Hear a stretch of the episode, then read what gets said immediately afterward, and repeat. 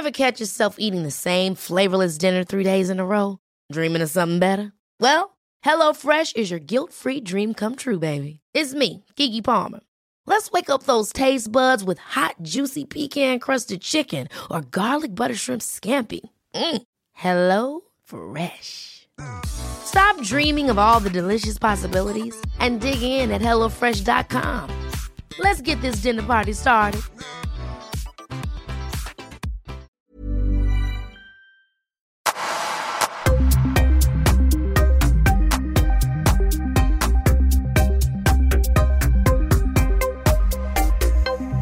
Forska på. Löper man större risk om man är rap eller hickmänniska?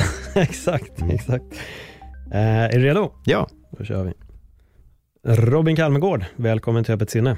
Tack snälla. Det är lite läskigt att vara gäst i en podd eller då radioprogram. Eh, för det brukar vara jag som står på andra sidan. Ja. Så att det är lite nervöst där.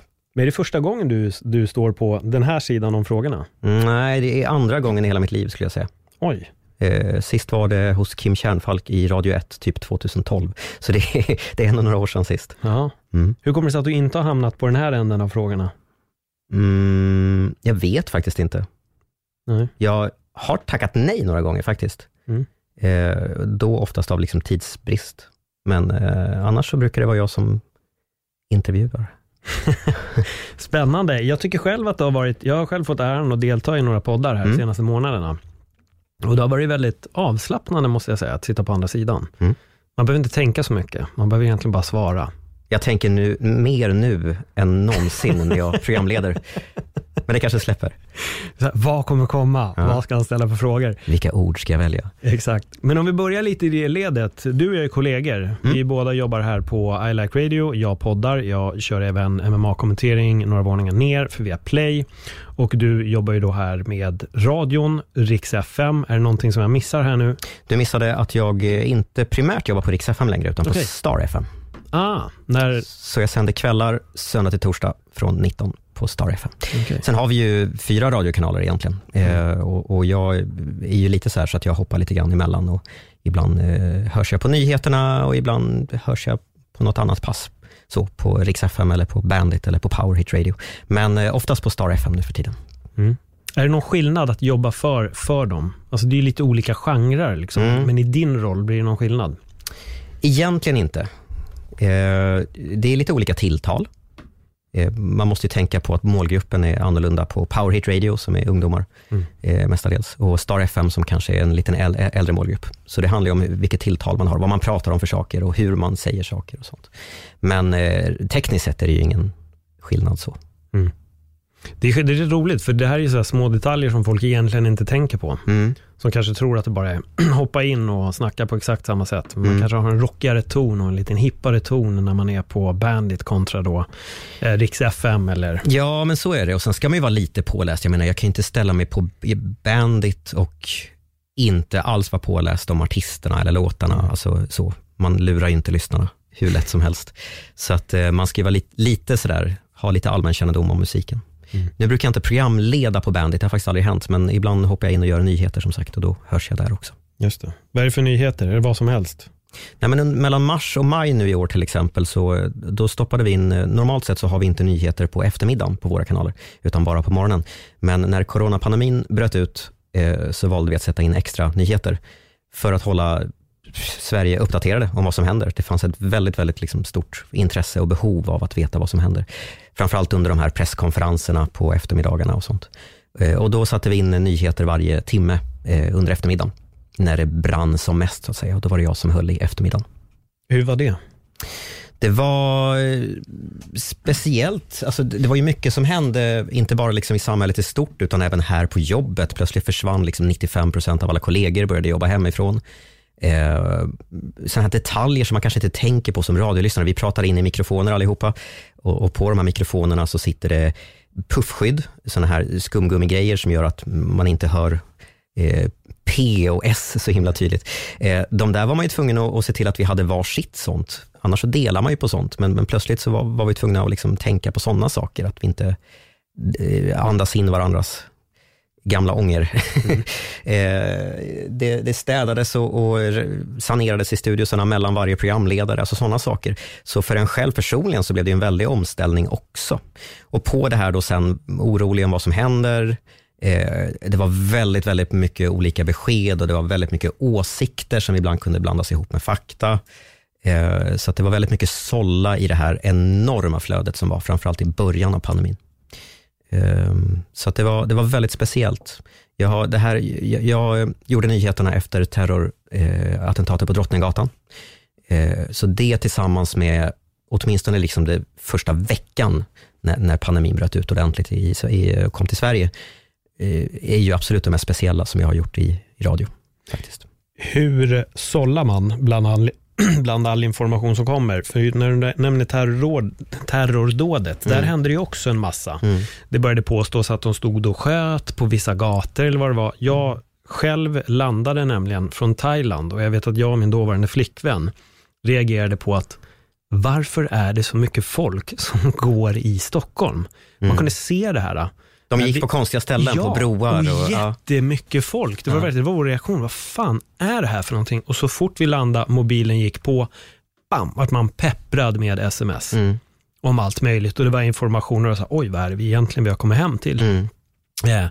Men där vet jag att just medier hade ju stora problem just för att det gick ut med att de står och skjuter där och så mm. spreds det som en löpeld mm. på sociala medier. Hur, hur handskades du med det? Alltså det där är ju jättesvårt och jag, jag ska först säga att jag är ju inte utbildad journalist. Jag Nej. kallar mig absolut inte för journalist. Ehm, och, och, är man det så, så har man ju betydligt fler verktyg så att säga i lådan. Ehm, kunskap framförallt om, om hur man jobbar med sånt här. Men det handlar väl framförallt om att, att inte plocka det första bästa man ser och, och skynda ut med den informationen bara för att den, man vill vara först med någonting. Utan kolla med flera källor naturligtvis. Mm. Eh, fundera på trovärdigheten på de man pratar med. Eh, helst prata med människor som är på plats naturligtvis. Sådär. Det var jättesvårt eh, efter terrordådet, för det kom enormt mycket och jag gick absolut ut med saker som inte var 100% bekräftade. Mm. Eh, det ska jag erkänna, men, men var snabb också med att rätta om det blev någonting som var fel. Eh, jag tror inte det var någon som gjorde ett perfekt jobb i nyhetsrapporteringen den dagen, men, men det gäller att kunna eh, åtgärda det sen. Mm. Eh, så.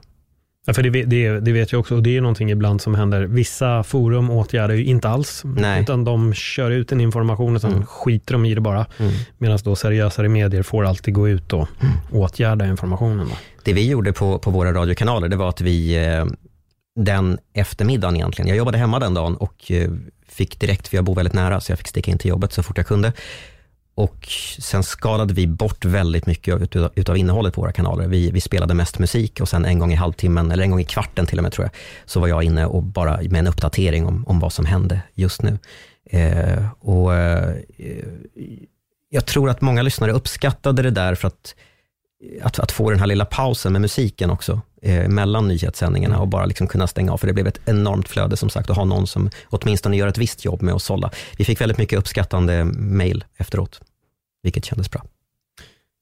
Och hur begravd var du i det här under den kvarten det spelades musik? Du måste ju bara suttit och uppdatera dig själv, så du kan ju ja. inte ha fått den här pausen direkt. Nej, det, det, var, det var ingen paus. Jag, jag jobbade, jag tror vi hade nyheter fram tills långt, långt in på, på liksom sent på kvällen eller på natten till och med. Och sen så var jag tillbaka på, för det här var en fredag har jag för mig. Mm. Och sen så fortsatte vi åtta på lördag morgon egentligen, eh, igen. Och då var jag tillbaka igen. Eh, så det var ett enormt arbete och man var väldigt nergrävd i det där. Eh, på fredagen det som hände här på kontoret var att egentligen alla stannade kvar på jobbet. Vissa kunde inte ta sig hem, eh, vissa valde att stanna kvar och vi hjälptes åt väldigt mycket med eh, att fånga upp saker i olika flöden. Men också praktiska saker som att gå och hämta mat. Jag kände ju inte hunger till exempel. Mm. Man var ju så fokuserad. Men efter ett tag så skakade man ju av ren liksom, eh, näringsbrist. och det var ett fantastiskt, på det sättet fantastiskt med, med alla som bara ställde upp och hjälpte till och ordnade och fixade.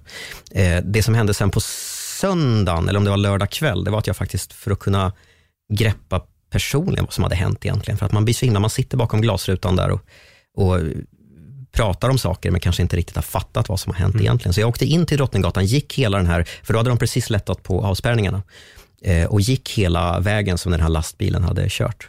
Eh, bara för att ha sett det. För det, fortfarande då var det ju, det var ju det var blodspår kvar på, på marken och det var trasiga skyltar och skyltfönster och allt vad det nu var.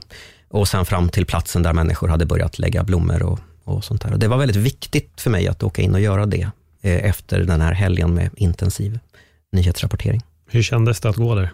Nej, men det var ju jättekonstigt och speciellt, men som sagt, jag behövde det, tror jag. Och jag mötte faktiskt också andra radiokollegor från andra radioföretag. Eh, det är en ganska liten bransch, som man känner varandra mm. ganska bra, och, och eh, som faktiskt hade gjort samma sak den kvällen, för att få ett grepp om vad som faktiskt hade hänt. Känner du att poletten föll på plats? Ja, då, då kom jag ikapp alla andra kanske, på något mm. vis. Mm. För det är så konstigt med någonting, jag, jag kan verkligen relatera till det du säger, att det kan ta ett tag innan en sån här situation verkligen faller in vad som har hänt. Speciellt när man jobbar med det, mm. för då är man nästan för inne i det för att ta till sig av det. Mm. För att det kanske inte riktigt går att ta in hela händelsen Nej. samtidigt som man sitter och ska rapportera på något och vara någon form av objektiv i vad det, är sant det, det går inte, du, du, kan inte låta det sjunka in, utan du måste vara, då, då är det ju lätt att du börjar bli eh, eh, liksom färgad av känslor och mm. sådana där saker. Så det, det kan man inte. så. Och jag antar då att du fick vibbar av det här när du började rapportera om corona, att det påminner lite om ja, men Absolut, det är ju en speciell en, en, en, eh, speciell nyhetshändelse såklart. Och det här var inte riktigt lika koncentrerat till en eller två dagar, utan det här nyhetsrapporteringen på eftermiddagarna gjorde jag ju i nästan tre månader. Mm. Så, men, men icke desto mindre speciellt. Fick vi mycket samtal hit från folk som tyckte att de måste gå åt det här håller regeringen eller mail eller vad det nu är? Säkert. Jag tog inte emot så mycket sådana samtal. Eh, jag gjorde bara nyhetsuppdateringarna så att säga. Mm. Men programledarna som, eh, som pratade om det här tror jag säkert fick en, en del. Mm. Hur har din egen känsla varit när hela det här corona bubblade upp? Um, jag anses ju vara i, i ganska ordentlig riskgrupp. Mm. Vi kanske kommer in på det senare varför, men, eh, men jag har ju varit tvungen att isolera mig ganska mycket. Först och främst så, så eh, är jag otroligt glad över vår arbetsgivare i det här huset där vi sitter just nu, för att man har verkligen tagit det på allvar. Skickade hem alla som inte absolut behövde vara på jobbet. Eh, här på radiovåningen så eh, är det bara de som sänder, som faktiskt sitter bakom mikrofonen, som får vara på plats. Eh, och det har ju gjort att jag kan gå till jobbet och, och känna mig ganska trygg med det, så att säga. Eh, väldigt tråkigt att inte träffa kollegor varje dag, men, men det har varit absolut nödvändigt. Eh, annars har jag varit tvungen att, att, mm, sitta hemma. Och jag har faktiskt fått hem utrustning för att kunna göra mitt jobb hemifrån. Jag har en liten mm. ministudio hemma nu, utifall det är så att det bryter ut någonting här på kontoret, eller, att, eller att folk börjar komma tillbaka. Så att, men, men väldigt eh, speciellt, jag har, har fått kapa mycket liksom, sociala kontakter med familj och, och vänner och sådär, eh, vilket väldigt många har fått göra. Så, men, men att vara i riskgrupp är ju speciellt i det här. På vilket sätt är du i riskgrupp, om vi går in lite på det då? Jag eh, är transplanterad. Jag fick en njure av min pappa för 15 år sedan, ganska mm. exakt faktiskt 15 år sedan. Och eh, när man har blivit transplanterad och fått ett organ, så äter man medicin livet ut, eh, som gör att kroppen eh, även fortsättningsvis tycker det är okej okay med ett främmande organ i kroppen. Annars så är kroppens naturliga reaktion att stöta bort det här organet. Därför äter man medicin som sänker immunförsvaret på olika sätt. Och eh, i en sån här pandemi är det jättedåligt, för att då är, då är man extra känslig. Hur färdas du till och från jobb? Eller, du kanske bor nära? Jag bor nära, så jag okay. går hit. Ja, men det kanske är skönt i alla fall då? Det är skönt. Så att jag har ju inte åkt tunnelbana eller buss eller tåg sen i slutet på februari. Vilket är, jag är en sån som liksom flänger omkring rätt mycket annars. Mm. Det har blivit lite taxi har det blivit, men, men jag har ju nästan inte lämnat Södermalm sen slutet på februari. Jättekonstigt. alltså det har varit en väldigt, väldigt speciell bubbla mm. under den här tiden. Eh, jag tycker också det just när det väl började, mm. så var den här uh, ovissheten. Blir det karantän? Blir det inte karantän? Hur ska vi gå? Allting lades på ett sätt ner. Min MMA försvann ju där under x antal månader. Jag var lite i det här valet och kvalet. fan, ska jag boka in gäster till podden överhuvudtaget? Men jag har ju fortsatt. Jag har inte haft ett enda uppehåll på på podden ändå. Nej, så men vi har ju också två meter mellan oss här. Att... Exakt, mm. exakt. Men jag är ändå glad att det har, att det har kunnat fortsätta. Mm. Det har ju varit väldigt, väldigt skönt, för det blir också en, en frizon för, för mig och för dig att ändå kunna göra det vi vill. Mm. Det måste ju ha varit väldigt skönt för dig att ändå kunna få hem eh, jag tänker just radioutrustning ja. för att också kunna göra lite hemma. Men absolut. Vad är det då du kan göra hemifrån? Alltså det fina med radio nu för tiden är ju att det krävs inte så himla mycket för att göra radio egentligen. Eh, så att eh, jag kan ju egentligen göra min sändning på, min kvällssändning på Star FM hemifrån. Det är ju inte riktigt lika smidigt och praktiskt och det låter inte riktigt lika bra. Men eh, i nödfall så kan jag. Jag kan göra nyhetsuppdateringar om det skulle behövas. Så att eh, det finns redo Mm. om det skulle vara så att det behövs. Jag tänker lite på när du var liten, för jag hörde på en av dina första radioinspelningar som du gjorde hemifrån, som Ja. du hade lagt upp. Ja, den är inte hemifrån faktiskt. Nej, det var inte det. Det var i en studio, om, du, om det är den jag tänker på. Ja, förmodligen. Det var en av dem du hade lagt upp på TikTok. Ja, just det. Där var lite, lite en eh, minisändning från en väldigt, väldigt, väldigt ung Robin. Det Väldigt ung tydligt Robin. På, på rösten. Mm. Vad är det som gjorde att du började få radiodrömmar och när kom de? Alltså det som hände egentligen, jag var ett ganska speciellt barn på många sätt. Mm. Jag älskade att synas och höras. Eh, det där kanske kom av att jag eh, inte kunde eh, kanske hålla på med samma sak som många av mina vänner, med sport och idrott, och röra mig så mycket och sånt där. Men jag var ett speciellt barn. Jag, jag gillade att synas och höras. Jag, jag, jag sjöng en del. Eh, hellre än bra, ska tilläggas. Och så är det fortfarande. Men på den tiden så skämdes jag inte så mycket över att, och, um, yla. Så att jag tog varje chans som jag kunde när jag var liten att liksom kliva upp på scen.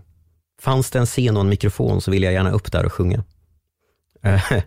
um, och det som hände egentligen var att det var, jag, jag kommer ju från en liten ort som heter Strängnäs. Och då hade vi någon sån här stadsfestival, jag tror den hette Vasafestivalen.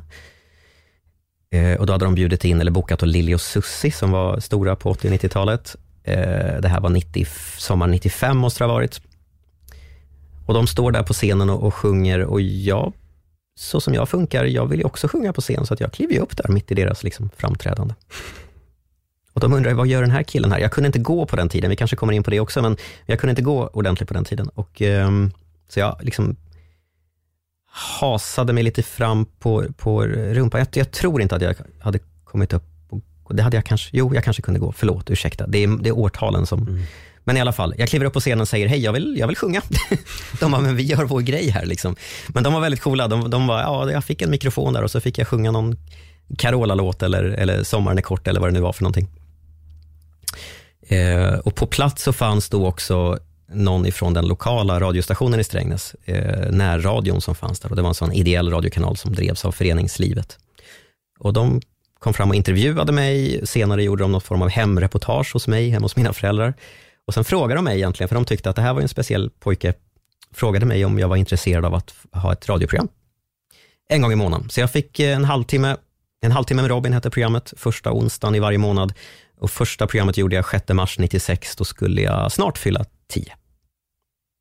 Och det som händer, det som många beskriver när man gör radio första gången, oavsett om man är liksom 9 då som jag var, eller om man är 39, det är ju liksom den här omedelbara smällen i ansiktet av bara wow. Eh, för börjar man göra radio så slutar man väldigt sällan med det. Och det gäller i princip alla jag känner. Man, man, det är någonting som händer, speciellt om man har gjort livesänd radio. Eh, För mig hände det väldigt tidigt, för vissa hände det senare. Jag har liksom gamla kollegor som har jobbat här på, på Rix FM som bestämde sig för att byta bana i livet och sådär. Och, och en är fastighetsmäklare nu, men ändå hoppar in på helgerna. Går inte riktigt att släppa radion. Liksom. Så att det hände för mig också. Och jag har, aldrig, liksom, jag har alltid haft en fot kvar, oavsett annat jag har gjort, så att säga, så har jag alltid haft en fot kvar i, i radion. Vad är det för annat du har gjort? När du ändå säger att du har gjort annat. Vad... Jag, jag har alltid eh, drivit eget företag på olika sätt och vis. Eh, jag startade mitt första företag när jag var 14 och då tillverkade jag reklammaterial, trycksaker, visitkort, reklamblad. Det blev hemsidor så småningom. Sen har jag drivit eh, hostingföretag, webbhosting. Ehm, jobbat med egentligen IT, internet och marknadsföring på olika sätt. Eh, så att jag har alltid haft en fot i det, men alltid haft någon form av fot kvar i, i radion. Jag har eh, hållit på med ideell webbradio, alltså sänt radio på, på nätet, på det som då var den största webbkanalen i Sverige, Radio 7. Eh, och sen vidare till, till andra radiokanaler eh, genom åren. Men nu har jag varit på det här företaget i snart tio år. Du är ju en riktig entreprenör med andra ord. Alltså, Ja, det är inte ja. många 14-åringar som börjar göra Nej. visitkort och reklamblad. Jag brukar inte tycka om ordet entreprenör, men, men det, det finns kanske inget bättre så. Jag har alltid haft lite den ådran tror jag. Hur, hur fick du den idén? Och vad sa dina föräldrar när du sa, jag ska börja göra visitkort, jag går i åttan, det är dags nu. Eh, men faktum är väl att, att någonstans i samma veva med att jag började hålla på med radio där som, som barn, så eh, drev jag egentligen något litet företag som jag kallade för Robins kontor. Jag älskade att leka kontor som man ju gör som barn ibland. Men jag tog det liksom alltid till ett steg längre, så att jag sålde liksom teckningar, tror jag, för tre kronor styck. Ehm, och eh, på mitt rum så hade jag löpsedlar som jag gick ner och hämtade dagen efter och på kiosken i närheten för att jag eh, också sålde andra saker. Jag tyckte att jag hade någon form av, av tidningskiosk. Jag vet inte. Men, men jag, jag, jag, drev någon form av affärsrörelse som väldigt ung. Liksom. Så det var väl ingen chock sen när jag kom och sa att nej, men jag vill faktiskt formalisera det här och driva företag på riktigt. Och redan då, då hade jag ju börjat liksom tillverka trycksaker och reklammaterial och fått betalt för det liksom redan innan. Men jag tänkte att nu, nu är det dags att liksom göra det till ett riktigt företag. Nu har jag en fråga här Robin. Ja. Har någon någonsin sagt ditt namn och Warren Buffetts i samma mening? Nej. nej, inte, nej, det tror jag inte. Men... Du får det här nu, för jag ja. vet inte om du vet att Warren Buffett började ju med att eh, han hade en våg och folk fick väga sig på hans våg för en väldigt billig peng. Mm -hmm. mm. Och sen skaffade han en till våg så att fler kunde väga sig. Såklart. Så startade det för mm. Warren Buffett och när jag hör din historia här så låter det, det låter lite lik. Sen blev ju han en multimiljardär inom finans. Ja. Men, men, men ni var båda väldigt unga och, och um, hade den här. Jag, jag ja, med, medan andra, andra kanske ritade teckningar och gav dem gratis till sin Exakt. släkt och familj så tog jag betalt för det. Jag drev också en tidning faktiskt, det här var i mellanstadiet kanske. Eh, Kokosnöten hette den. Det var nämligen så att när jag, och sidospår egentligen, men när jag började driva mitt företag så, så att, att jag, jag, kunde hålla ganska billiga priser när det gällde trycksaker, framförallt visitkort och sånt där, för att jag insåg att om man går till kommunen, Strängnäs kommun i det här fallet, så hade de ett eget tryckeri. Och de fick inte konkurrera eller, eller så här, de, de, de fick inte ta med, de fick bara debitera självkostnadspris för sina tjänster. Så att om jag lämnade in och sa att jag vill trycka upp tusen visitkort här, så fick de bara verkligen ta vad det kostade för kommunen. Så att jag betalade 70 spänn tror jag för att trycka tusen visitkort, uppskurna, klara och buntade och allt vad det var. Och det gjorde att jag kunde hålla ett ganska lågt pris mot min kund också, så där utnyttjade jag friskt. Liksom, sådär. Um, så det var, det var så det började för, för mig. jag tycker det är jätteintressant. Ja, och det, jo, det jag komma till. Jag drev en tidning ja. också. Jag startade den här kokosnöten tillsammans med några kompisar. Den, det var egentligen bara ett upptryckt blad, var det, åtta sidor eller någonting sånt där, med annonser som jag hade sålt in och något kakrecept tror jag. I början sålde jag den nere på bensinmacken i närheten. De tog tre kronor styck tror jag. Men sen så började det komma liksom entreprenörer i området som gillade vad jag gjorde och sådär, så att började betala lite mer för annonserna. Det kostade väl 100 spänn för en hel sida eller något sånt där. Och eh, då började vi dela ut dem i, i brevlådor i, i grannskapet och sånt. Så eh, det, det gjorde jag också en period. Och de tryckte jag då också på kommunen, för det blev ju billigt och bra. Vad var din förmögenhet när du gick ut grundskolan? Eh, det, det, det, var nog några, det var nog mer kanske än den genomsnittliga eh, niondeklassaren. Men eh, det var inga, alltså, jag vet inte om jag på den tiden var så bra på att tjäna pengar. Jag gjorde ju det här för att det var kul. Liksom. Mm. Så att, eh, visst, jag kanske gjorde någon form av profit, men det var inte det som var fokus tror jag. Jag ville ha någonting att göra, tror jag. Fick du veckopeng eller tyckte dina föräldrar att du tjänade tillräckligt med pengar? Vet du vad, jag tror inte att jag hade veckopeng. Ganska tidigt så kunde jag liksom försörja mig själv. så jag minns faktiskt inte, det är väl klart att jag har liksom fått hjälp av föräldrarna så, men, men jag minns inte någon specifik summa som jag fick när jag var liten. faktiskt. Nej. Är det här något som har spridits vidare i din familj? Finns det nya unga entreprenörer?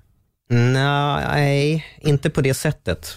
Det tror jag inte, men jag kanske snarare spred det uppåt. För ett par år senare så startade mina föräldrar egna verksamheter, mm -hmm. tror jag. Och jag hjälpte ju till då med uppstarten. Jag hade ju skaffat mig erfarenhet av liksom paperwork och marknadsföring och, och sånt där. Så att, eh, åt andra hållet skulle jag säga kanske. Hur var reaktionen bland dem i skolan när du gjorde det här och de såg att det faktiskt funkade? Vad... Jag tror inte på mellanstadiet att man riktigt förstod vad jag gjorde så. Jag var nog bara en kuf ja. som gjorde min grej. konstig, konstig människa. Var det så de såg på dig eller? Ja, det var det absolut. Jag har ju, vi har inte kommit in på det kanske riktigt, men jag, jag ser ju lite annorlunda ut också och, och um, har en kropp som inte funkar riktigt som alla andra. Och um, det var ju väldigt mycket fokuset i den, i den åldern. Mm. Eh, hur man såg ut, det är ju det i den åldern. Så att um, jag tror det, det var snarare fokuset än, att, än vad jag gjorde på fritiden hemma. Men sen hoppade, senare hoppade jag ju faktiskt av gymnasiet för att kunna driva företag. Ja. Eh, jag tröttnade på skolan och insåg att jag klarar mig ganska bra själv, så att jag, jag hoppade av till slut. Har du pluggat radio på något sätt? Nej. Nej. Nej, jag, jag är helt självlärd där. Eh, har byggt det med erfarenhet. Mm. Lärt mig otroligt mycket längs vägen. Om vi går in lite på det som vi har varit och cirklat runt nästan lite grann då. Mm. Som du säger att folk eh, ja, hade väl mer fokus på, på hur du såg ut. För den som inte vet hur du ser ut, hur skulle du förklara? Oj. Nej, men jag, jag är ju född i, en kropp som eh, är lite speciell. Det finns inget, många frågar så här, finns det något namn på det här du har, så att säga. Jag har inget uttalat syndrom. Ehm, men jag saknar två fingrar på ena handen. Eh, jag föddes med ett ben som var krokigt, alltså det, det var 90 grader vinklat. Och jag hade ingen sträckmuskel, så jag kunde inte sträcka ut benet. Därför kunde jag inte börja gå som andra. Eh, det där fick jag hjälp med senare, det opererades fram och tillbaka och nu är det stelopererat som rakt istället. Och nu kan jag, kan jag gå okej i alla fall. Eh, jag har ett medfött hjärtfel. Eh, jag har, ja, det, det finns en massa saker som gör att Mm. man, man, man ser och, och funkar lite annorlunda. Så. Jag tänkte när du berättade det här med att du var ung och inte riktigt hade lärt dig gå. Mm. Hur, liksom, hu- hur förde du dig fram och i vilken ålder kunde du börja gå? Eh, på det sättet jag förde mig fram i 2, 3, 4, 5, 6 års åldern var ju att jag hasade mig fram på, på backen. Jag hittade någon slags metod. Jag satt ner och gled fram. Jag slet ut så ofantligt mycket byxor. ofantligt många jeans slet jag ut som barn. Så att det var så, så jag gjorde. Jag hittade något sätt att ta mig fram, kravla mig fram på något vis. Eh, och sen, jag tror att jag var sju. Det var så här, jag skulle börja grundskolan och kommunen hade betalat ofantliga mängder pengar för att bygga om den gamla 40-talsskolan, tror jag, som, som jag skulle börja gå på med automatiska dörröppnare och tagit bort alla trösklar, för jag skulle ju sitta i rullstol var det tänkt i skolan. De sprängde upp en helt ny entré till mig, som, för att så jag skulle slippa eh, trappor då, när jag gick i skolan. Men sen över sommaren där så opererade jag mig och jag blev klar med hela den här grejen och, och faktiskt kom upp och började träna och gå. Och sen kom jag gående till första dagen till skolan. Så eh, rektorn som hade haft besvär med budgeten där, var något chockad när jag, när jag kom till skolan första dagen. Så. Men de skulle väl behövt göra det där så småningom i alla fall, antar jag. Hur kändes det att plötsligt kunna gå? Det, det kändes nog bra, nu är det väldigt länge sedan förstås, så att jag vet inte. Jag, en intressant anekdot är ju att jag började tända och släcka lampor hela tiden, hemma hos folk. Jag tyckte det var jättekul att trycka på lampknappar, för jag hade aldrig tryckt på sådana knappar förut. Jag hade aldrig nått upp till lampknappar. Så jag kunde ju stå när jag pratade och liksom på, av, på, av, på. De bara, sluta, vad håller du på med? Lamporna går sönder. Ja, men det är så kul. För det var någonting jag inte hade fått göra tidigare. Bättre sent än aldrig. Mm. Så. Eh, nej, men det var, det var speciellt såklart. Ja. Det, var, det var speciellt. Men, hur var skolgången då? Du säger själv att folk hade mer fokus på hur du såg ut än vad, än vad du gjorde, så det låter ju som att du hade en ganska tuff, tuff tid. Ever catch yourself eating the same flavorless dinner three days in a row? Dreaming of something better? Well, HelloFresh is your guilt-free dream come true, baby. It's me, Kiki Palmer. Let's wake up those taste buds with hot, juicy pecan-crusted chicken or garlic butter shrimp scampi. Mm. Hello Fresh. Stop dreaming of all the delicious possibilities and dig in at HelloFresh.com. Let's get this dinner party started. Quality sleep is essential. That's why the Sleep Number Smart Bed is designed for your ever evolving sleep needs. Need a bed that's firmer or softer on either side? Helps you sleep at a comfortable temperature? Sleep Number Smart Beds let you individualize your comfort so you sleep better together. JD Power ranks Sleep Number number 1 in customer satisfaction with mattresses purchased in-store. And now, save 50% on the Sleep Number limited edition Smart Bed for a limited time. For JD Power 2023 award information, visit jdpower.com/awards. Only at a Sleep Number store or sleepnumber.com. i skolan. Barn är ju barn. Och Barn är ju barn. Kanske Absolut. lite för brutalt ärliga och inte alltid trevliga. Ja, nej men så är det ju. Det, det där fick man ju lära sig ganska snabbt, att, att eh, hantera på olika sätt. Hur gjorde du det? Jag har en, en, en mamma som är fantastisk på att lära ut svar på tal kring olika saker. Om jag fick kommentarer om min hand till exempel, som bara har, min högerhand som har tre fingrar, så fick jag lära mig att jag skulle svara helt obrydd. Men jag är släkt med Turtles. Turtles var ju stort och superpopulärt där på Mm. 90-talet. Så det gjorde jag och då fick man ibland, what? Är det sant? Liksom, det funkade nästan alla gånger. Eh, Sådana grejer fick jag lära mig. Jag har fått jättemycket stöd på det sättet av, av eh, mina föräldrar, framförallt mamma. Mm. Eh, Så jag, jag lärde mig olika knep. Sen så ska man inte säga att det var lätt alla gånger såklart. Eh, Svårast var det nog på mellan och hög, högstadiet skulle jag säga, var ju svårast. På vilket sätt då? Nej, men det, det var ju då, är ju, då är man ju som elakast, tror jag, mot människor som ser annorlunda ut. I alla Mm. fall var det så för mig. Eh, och det här subtilt elaka minns jag var det jobbigaste. Alltså att folk kom fram och sa elaka saker, det kunde jag liksom bara, ah, jag är den jag är, jag kan inte göra någonting åt det. Liksom. Den punkten hade jag kommit till. Men subtila blickar eller ställa sig i vägen i korridoren, eller eh, ja, men så här, saker som, som inte var uttalat elaka, som var svåra att liksom skvallra för någon. Mm. det, det minns jag var, var svårast och det tror jag är svårast för de som är utsatta för mobbing och sånt i skolan. Faktiskt. Du sa precis att du ändå hade accepterat att du är som där, något i den stilen. Mm. Hur kom du till den punkten? För jag menar, det finns folk som hinner dö och aldrig uppnå den tanken om sig själva, att jag är den jag är. Det är ju folk som ser ut på, ja, men, hur, hur man än vill definiera det, Mm. som aldrig ändå kan acceptera sig själva för den de är. Mm. Jag, jag, jag har inget bra svar på den frågan. Jag tror ändå så att det har med där hemma att göra. Jag, jag hade en superengagerad, eh, ja, både mamma och pappa, men, men mamma var den jag bodde mest hos, eh, skilda föräldrar. Och eh, hon engagerade sig super, super mycket i mig och var med på liksom, läkarbesök och vi, vi spenderade ofantligt mycket tid tillsammans. Både liksom hemma men även inlagda på sjukhus i, i långa perioder. Och, hon är otroligt klok, min mamma. Och, eh, och eh, drillade mig i det här. Jag kan inte ge något recept tyvärr, jag önskar att jag Mm. kunde det, men, men mycket kommer liksom hemifrån. Det går inte att ta bort det. Och um, har alltid liksom fått det inpräntat att, att ja men typ, du, du kan göra vad du vill ändå. Ehm, det är väl inget, inget konstigt det här. Liksom. Och eh, får man det repeterat tillräckligt många gånger så, så blir det sanning. Mm.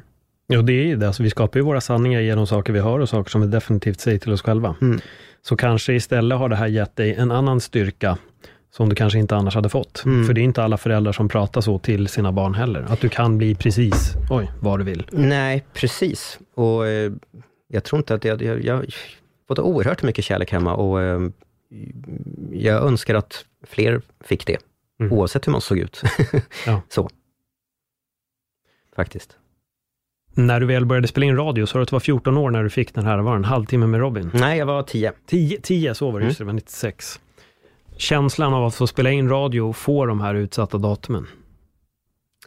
Ehm, jag känner mig jätteviktig, tror jag.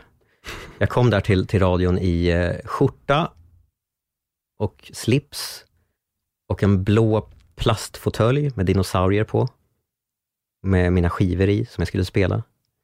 Eh, och känner mig superviktig och jag känner mig som världens stjärna i skolan.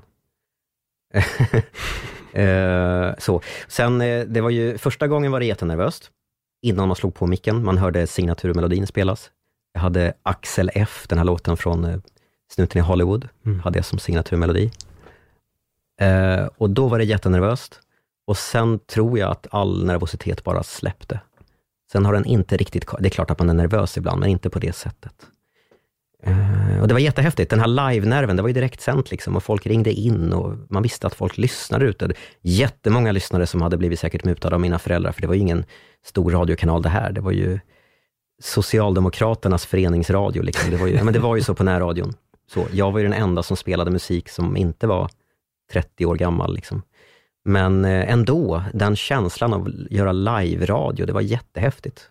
Jag hade suttit och tränat i bilen på att prata på intron. Det är någonting man ska kunna när man snackar i radio, kunna tajma intron. Och, ehm, nej, det, det var uh, jättekult. Ja, det har ju fortsatt också. Jag har fortsatt, som sagt, man eh, släpper väldigt sällan radion när man väl har börjat. Hur länge sa du att du gjorde det här? Jag, på närradion började jag i mars 96 och vi la ner den kanalen i december 97. Mhm. Då lades den ner. Det var då en av Sveriges äldsta närradiokanaler, men brottades med ekonomin då. Så att, eh, 97 i december slutade jag, fick enorm abstinens, började göra radio hemma på kassettband, som väl många har gjort som barn. Eh, byggde min egen lilla studio hemma, som egentligen bestod av en mikrofon och min stereoanläggning, och en liten röd lampa som jag monterade upp på min rumsdörr, som jag då fick till att lysa automatiskt när min mick var inkopplad i det där hålet. Eh, på något vis. Jag vet, vet, idag vet jag fasen om jag hade lyckats med det där, men ja. Eh, och så höll jag på några år, tills dess att jag hittade Radio 7 då, som var en webbradiokanal som jag började med. Innan vi går in på Radio 7, Ja. så undrar jag bara, vad, vad handlade programmen om som du gjorde? När du väl fick den här halvtimmen, vad pratade du om? Vad tog du upp? Eh, det var väldigt blandat. Jag, jag intervjuade ehm, jag intervjuade en eh, ungdomsansvarig på, det skulle handla om ungdomar var det sagt, liksom sådär. Tio år ungdomar, jag var barn, liksom, jag vet inte. Men um, jag intervjuade ungdomsansvariga i kommunen om fritidsgården, vad ska hända med den? Eh, jag intervjuade Lili och Susie förstås då, för jag hade ju fortfarande kontakt med dem eh, något, år- sådär, något år senare eh, spelade populärmusik. Eh, en av de först, första låtarna jag tror jag spelade var ju med Robin, som kom precis då, som var 16 på den tiden. Mm. Eh, intervjuade någon klasskompis mamma som var konstnär. Vad innebär det att vara konstnär? Ja, jag vet inte, det var, det var väldigt blandat. Väldigt blandat. Bra start. Mm, det får man säga. Jag gjorde enormt mycket fler intervjuer på den tiden än vad jag gör idag. Idag så spelar jag mest musik på radio. Inget du saknar att intervjua folk? Eh, jo, absolut. Eh, det, det, är kul. det är kul att intervjua, men det är ju, kräver ju enormt mycket jobb och förberedelser. Det borde du Mm. veta. Ja.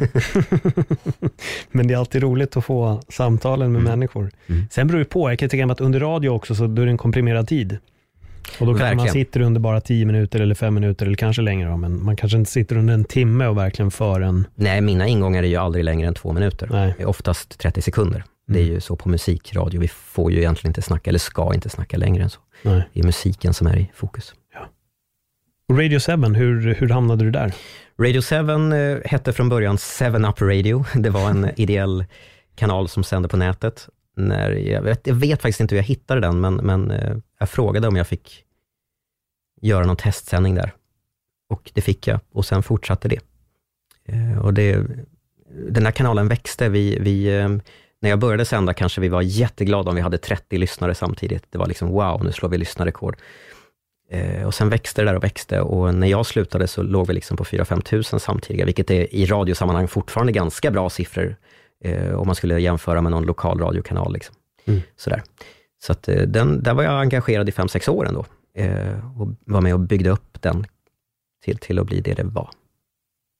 Eh, det, det var ett häftigt koncept. Vi, vi satt hemma, alla som jobbade. Vi hade ingen liksom studio, ingen gemensam lokal. Vi var utspridda över hela landet. Vi träffades någon gång om året eller två på något möte.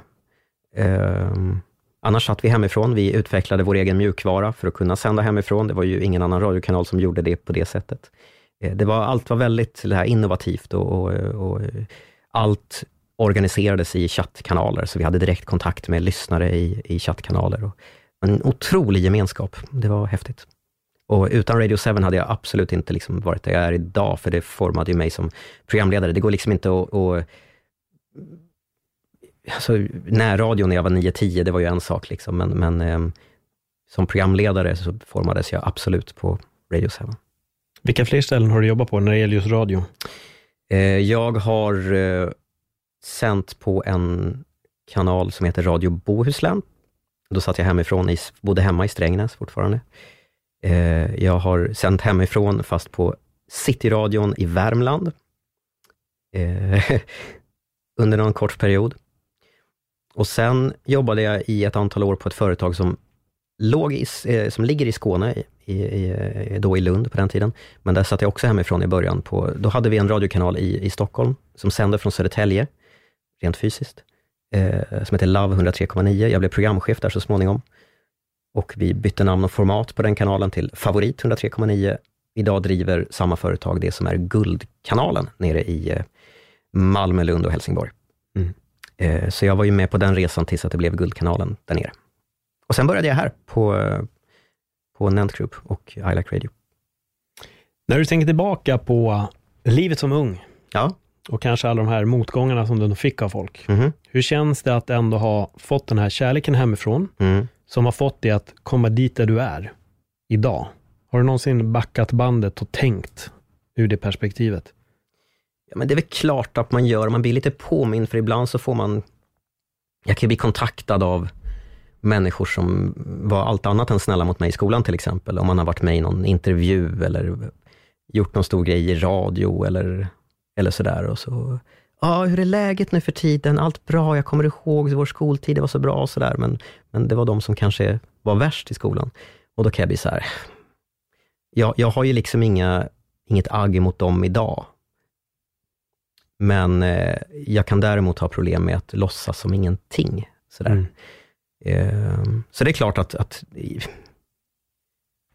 någon form av, jag, jag, jag, jag ska inte kalla det för någon form av revansch, jag vet inte. Jag, jag, jag har gjort min grej och jag har alltid styrts av att göra roliga saker som jag tycker är kul. Eh, och det har jag lyckats med, tycker jag. För det är någonting som jag själv har applicerat i mitt eget liv de senaste åren bara, att jag ska inte göra någonting som jag inte faktiskt tycker är kul på dagarna. Nej, precis. Och jag önskar nästan att fler hade den approachen. Det är klart att man kanske inte alltid har 100% ett val. Man kanske är fast i sitt ekorrhjul och sådär.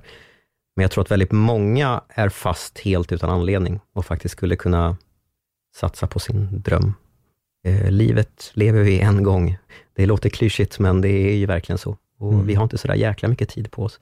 Så mitt fokus har alltid varit att göra det som är kul. Sen är inte varje dag kul såklart, men, eh, men jobba med det man, man tycker är roligt. Man spenderar ofantligt mycket tid på jobbet. Eh, Jag spenderar ofantligt ännu mycket mer tid på jobbet, men, men eh, poängen är att, att ska man, vad, vad vill man göra med den tiden? Det, Mm. det, är alltid min, det, det är alltid det jag har i bakhuvudet. Det är, alltså det är jätteinspirerande att lyssna på din, eh, på din historia, för jag vet själv att det är en kamp för många, Mm. att bara förstå att man faktiskt kan bli vad man vill. Ehm, och sen finns det, ibland kanske finns grundförutsättningar. Jag tror Mm. att hade du drömt om att spela i NBA, okej, det kanske inte precis. riktigt hade gått då, då. Men man kanske ändå hade kunnat jobbat inom basket. Absolut. Det gäller alltid att hitta en väg. Man kan fortfarande vara runt det som man fortfarande tycker om. Mm. Även om man då kanske inte har förutsättningar att göra exakt det, så kan man ändå jobba med det. Precis. Och det är det där jag tycker också är någonting som är väldigt viktigt att, att få ut, att det går. Mm. Att man ändå måste våga Ja, men verkligen. efter de här bitarna. Verkligen. Ehm, du har ju också blivit lite utav en TikTok-stjärna här nu på senaste tiden. Hur, hur började det? Ja, herregud. Det var inte riktigt planen, ska jag väl säga, men, men eh, det har ju varit väldigt tråkigt det senaste halvåret i coronatider, om vi säger så. Det har blivit väldigt mycket tid hemma framför olika typer av skärmar. Mm. Eh, I mars så eh, sträckkollade jag hela Friends. Hur många säsonger det nu är minns jag inte, men det var 252 avsnitt minns jag i alla fall. Eh, Så på den nivån har det varit hemma hos mig när jag inte har jobbat. Och eh, Sen har jag hängt mycket på TikTok och, och det är ganska lätt att fastna där. Det är en väldigt kreativ plattform med många roliga videos, mycket humor och mycket, mycket kreativt. Mycket påminner om det gamla Vine som var roligt när det fanns på den tiden. Och eh, det har lockat mig. Sen var det inte riktigt meningen vad jag gjorde rent spontant. Jag var på väg till jobbet en gång i slutet på juni, precis runt midsommar, efter midsommar tror jag. Och då spelade jag in någon video, bara, "Ah, hej hej allihopa, typ. Ehm, så här ser det ut på en, en radiostation, om någon är intresserad. Eh, den knappen gör det här och den knappen gör det här och sen så spelade jag in när jag, när jag pratade i radion en gång, typ. och den där blev jättespridd. Eh, till 80 procent för att jag ser ut som jag gör, för att det är mycket ungdomar som hänger där. Åh, kolla på honom, hö, hö, hö. Men också lite så här, åh, kolla på honom, hö, hö, hö. men han kan jobba med det här. Det här är lite coolt. Eh, Så tolkade jag att den blev så stor i alla fall. Det svämmade in otroligt mycket liksom, hånande kommentarer. Det är mycket skolgårdsmentalitet i kommentarsfältet på, på TikTok, fast i kubik och kvadrat, väldigt mycket större än en vanlig skolgård. Ehm, men där någonstans så insåg jag att, att, för jag har aldrig jobbat i sociala medier aktivt med att liksom exponera mig själv. Eh, inte så mycket längre för att jag liksom skäms över mig själv, men, men, men eh, för att jag har fokuserat så mycket på det jag faktiskt tycker att jag är bra på, det vill säga radio och ljud och mitt entreprenörskap och sådär. Men här insåg jag någonstans att jag kanske kan kombinera det vanliga jag gör med att visa att man kan se ut så här också, samtidigt som man gör det jag gör och att det inte är konstigt. Så jag testade att lägga upp en video till och den blev också jätte, jättespridd och fick också jätte, jättemycket hånande och elaka kommentarer. 90 procent var sådana typer av kommentarer. Men sen märkte jag i takt med att jag började lägga upp ännu fler videos, att, att den här ration vände och att eh, det blev färre elaka kommentarer och fler positiva. Och eh, Det strömmade in följare och eh, det bara rullade på helt enkelt. Och, um, ja, nu när vi spelar in det här så har jag just passerat 30 000 följare tror jag på TikTok, vilket är, jätte, men det är jättekonstigt. Jag har aldrig varit stor i sociala medier på det sättet. Uh, och um, ja, På vägen hit så fick jag stanna och ta bild med två personer på min 10 minuters promenad till jobbet. Okay. Så att det, det, nu blir jag igenkänd på stan för TikTok och det är en helt ny värld för mig. Det är otroligt främmande och jättekonstigt, men, men roligt. Och det, framförallt så, så får jag mycket privata meddelanden från framförallt ungdomar, i, i, som låter i stil med så här, eh, jag vill bara tacka dig för att du visar upp din hand och hur du ser ut och, och, och samtidigt har den liksom humorn och drivet som du har. Eh, det har fått mig att tro på mig själv och nu har jag lagt upp min första video, fast jag har det här och det här, ser ut så här och så här och så vidare. Och eh, utan de utan den feedbacken så hade jag ju slutat för länge sedan. Då hade det här varit ett kul experiment som var, vore avslutat vid det här laget. Men det där gör ju det värt att fortsätta mm. eh, och veta att man gör lite skillnad för någon. Eh, det är otroligt häftigt att veta. Det förstår jag, verkligen. Jag kan känna igen några av de bitarna själv, just för hur folk har blivit uppmuntrade av min podd att börja jobba med sig själva och så mm. hela den biten. Och, det, och jag kan verkligen förstå hur du menar. Det blir då gör man någonting som är, det är ett större syfte helt plötsligt. Ja, men precis. Och jag har inte riktigt tänkt mig själv på det sättet innan. Nej. Alls. Jag har gjort min grej och gjort det som jag tycker är kul och sådär. Jag har aldrig hittat min, mitt sätt att bidra på något vis. Det här kanske är ett sånt sätt i alla fall. Mm. Så det, det känns eh, häftigt och, och, och, roligt. Och idag är ju kommentarerna absolut 90% positiva. Mm. Verkligen. Jag, gjorde, jag brukar köra på söndagarna, så, så streamar jag live på, på TikTok också för de här ungdomarna från radiostudion när jag sänder.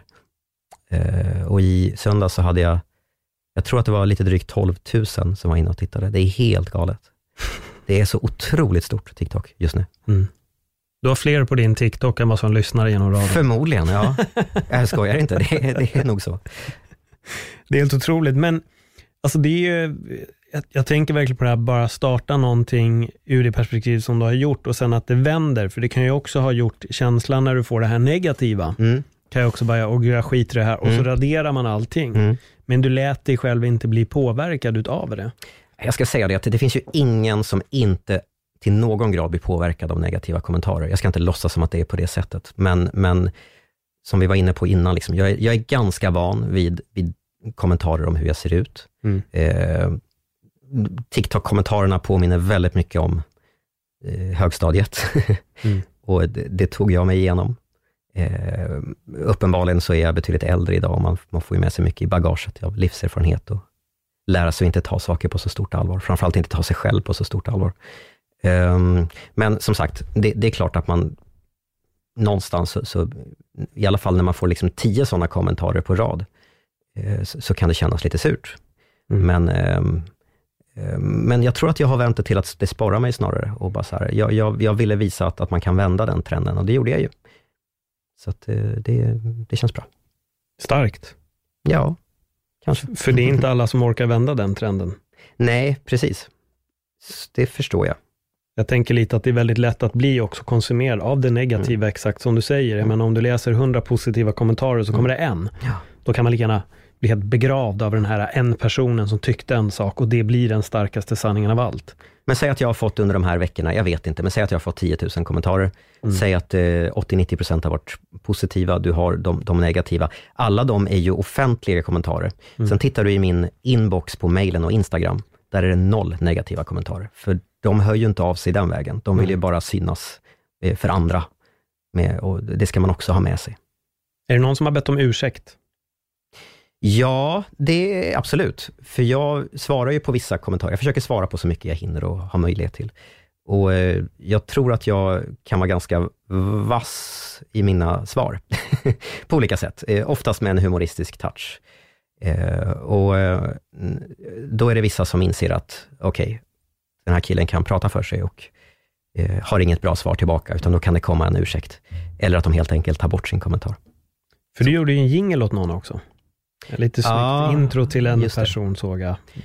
ja, det här var precis i början när jag var på TikTok och det, då var det en av alla negativa kommentarer som kom. Jag tror att han sa, du ser ut som en insekt, sa han till mig. Mm. Så tittade jag bara på honom och insåg att han är ju fasen vuxen, han är 24 år. Eh, hade det varit någon som var 13, då hade jag kanske inte exposat den här, det är ett barn, liksom. det, det är vad det är. Men den här killen borde veta bättre, tänkte jag, och han får faktiskt tåla att, att få svar på tal offentligt. Så att jag, jag la upp en video och svarade på hans kommentar och eh, eh jag hade plockat fram någon bild på hans katt och, och sa någonting om att hans katt var smartare än vad han var och så vidare. Jag var, jag var eh, kanske till och med lite på gränsen. Mm. eh, men så i slutet på den videon så fick han en liten jingel. Eh, eh, som skulle peppa folk att gå in och följa honom. Jag, var, jag ville göra det till något positivt, att han i slutändan skulle få fler följare och kanske känna sig lite bättre till mods. Så. Vad fick du, fick du någon respons av honom? Han skrev till mig, eh, han spelade in själv en video där han bad om ursäkt. Eh, sen skrev han ett långt meddelande till mig på, på Messenger, där han eh, bad om ursäkt igen. Och sen en gång till. mm. så att, och det är inga hard feelings så, men jag tror vissa är lite väl snabba på tangentbordet mitt i natten, hemma i soffan. Verkligen. Det, det är folk verkligen och jag tror att eh, förr i tiden så hann man gå och lägga sig ja. och tänka om man hade inte den här, eller folk hade inte den här direktkontakten. Nej. Man nådde inte ut med sin galenskap i exakt samma stund som man tänkte den och det är väl Nej. kanske det negativa med internet idag. Att du tänker en tanke och så skickar du ut den. Folk har inte den här spärren med att är det värt det? Nej, det, det tillsammans med den här som jag tycker är fruktans, mest fruktansvärt av allt i, i vår tid, det är ju den här svartvita mentaliteten, polariseringen, mm. att någonting är antingen jättebra eller jättedåligt. Gråzonerna finns inte längre. De två grejerna i kombination är ju giftigt som fasen mm. i vår tid och det som kanske kommer äta upp oss totalt. Mm. jag tycker det är jättejobbigt. Ja, jag håller med. Det är en, det är en obehaglig ton ibland på nätet. Mm. Jag vet själv från egen känsla ibland, så brukar jag titta på vissa kommentarer, sen tänka, finns det något värde i att gå in och kommentera här? Mm. Nej, Nej. Och Och inte bara på nätet, det där, det där ser, det spiller ju över på politiken och på, på allt. Eh, det skapar en, en, ett klimat överlag i samhället som jag tycker är... Jag, jag mår dåligt av hur det är mm. överlag i världen just nu. Det tror jag många gör. Och jag eh, vet inte fasen hur vi ska vända den trenden. Just det här svartvita, det, det har jag svårt för. Ja, och det är en väldigt udda tid just nu också med alla konspirationer som dyker upp på nätet och allt. Eh, ja, det är den ena galenskapen efter den andra just nu mm. som finns där. Men om du skulle ge ett råd till någon som är ung, som är en, en liten Robin Kalmegård, som kanske inte har fått det här exakt samma stödet som du faktiskt har fått. Det är ett fantastiskt stöd du har fått av dina föräldrar. Verkligen. Primärt din mamma. Mm. Eh, när jag hör din historia så hör jag också snett att det kunde gått ifall det faktiskt inte var någon som pushade dig åt exakt det hållet. Absolut. Eh, så vad skulle du vilja ge för råd till den personen? Alltså jag känner att, att de enda råd jag kan ge, det kommer låta, kommer låta som så här det, det, skulle låta klyschigt tror jag. Det, det, det är det här, fasen tro på dig själv. Det, det, det, det, går, men det kräver mycket jobb. Ingenting kommer gratis. Det kanske, jag vet inte om det har låtit så i den här intervjun, att mycket har bara kommit till mig. Det har det ju inte heller, utan jag, jag jobbar otroligt, otroligt hårt. Eh, mina arbetsdagar är ju liksom sällan kortare än 12 timmar. Eh, och eh, när man kanske inte har samma förutsättningar som alla andra, så måste man jobba hårdare än alla andra. Det går inte att komma ifrån. Man kan få stöd hemifrån, man kan få stöd från samhället. Eh, men, det är en, men, men, det är bara att hacka i sig att du, du, eh, du måste ta i från tårna. Jag har, alltid, jag har alltid varit tvungen att överbevisa alla andra. När man träffar nya människor så får man alltid visa att, att eh, jag eh, vet vad jag gör. Jag, jag kan vara ganska smart ibland. Eh, för första intrycket är ju när man ser lite annorlunda ut, är ju att, att det är något fel i huvudet också. Mm. Eh, och det, det, jag vill komma till är liksom att, att eh, man kanske måste jobba extra hårt, men allting är möjligt. Så är det. Mm, men det, krä, det, det kräver att man själv jobbar hårt. Skitbra svar. Jag, jag, jag vet, jag, kanske flummigt, men... Nej, inte alls. Alltså inte alls. Och, nej, jag tycker det är jättebra. Och ibland så, jag brukar säga det också vad gäller just klyschor, det är också det sannaste vi har på något sätt, för de stämmer. Många så är det. Stämmer de. Mm. Sen får de vara klyschiga som helst, men följer man dem, Mm. ja, då leder de oftast åt rätt håll. Mm. Det brukar man göra. Robin, tack för ett jätteintressant samtal. Jag känner Tack. faktiskt väldigt så peppad, motiverad och inspirerad efter att ha lyssnat på dig. Är det sant? Ja, för det är, ja, men det är en jävla resa. Alltså jag, jag, jag gillar verkligen när det finns motgångar, men man tar sig ifrån dem. Jag har Mm. haft mina i, på mitt sätt och jag har, liksom har, har tagit mig fram. Men jag tror också på det här som du säger, det är hårt jobb och en, verkligen en stark tro på sig själv. Och det är härligt att verkligen höra hur din mamma har implementerat det i dig, verkligen sått det här fröet i dig, hur det Mm. bara har liksom vuxit och vuxit och vuxit.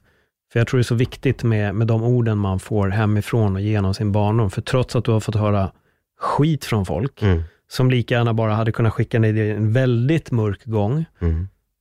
så har istället det ljusa hemifrån bara spirat och idag gör du det du gör. Mm.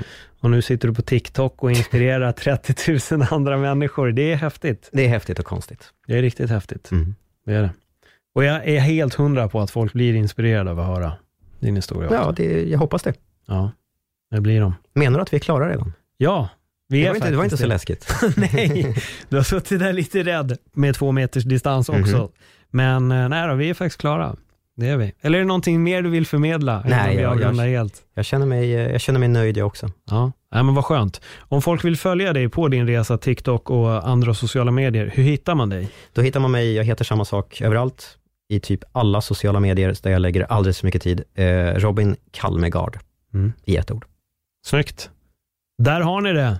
Tro på er själva. Gör som, eh, som Robin och kom ihåg att det gäller att arbeta hårt också. Så får jag än en gång säga Robin, tack för ett jätteintressant samtal. Tack snälla. Ni där ute, glöm inte att prenumerera på podden. Eh, dela den på era sociala medier så tackar vi för den här gången. Hej då!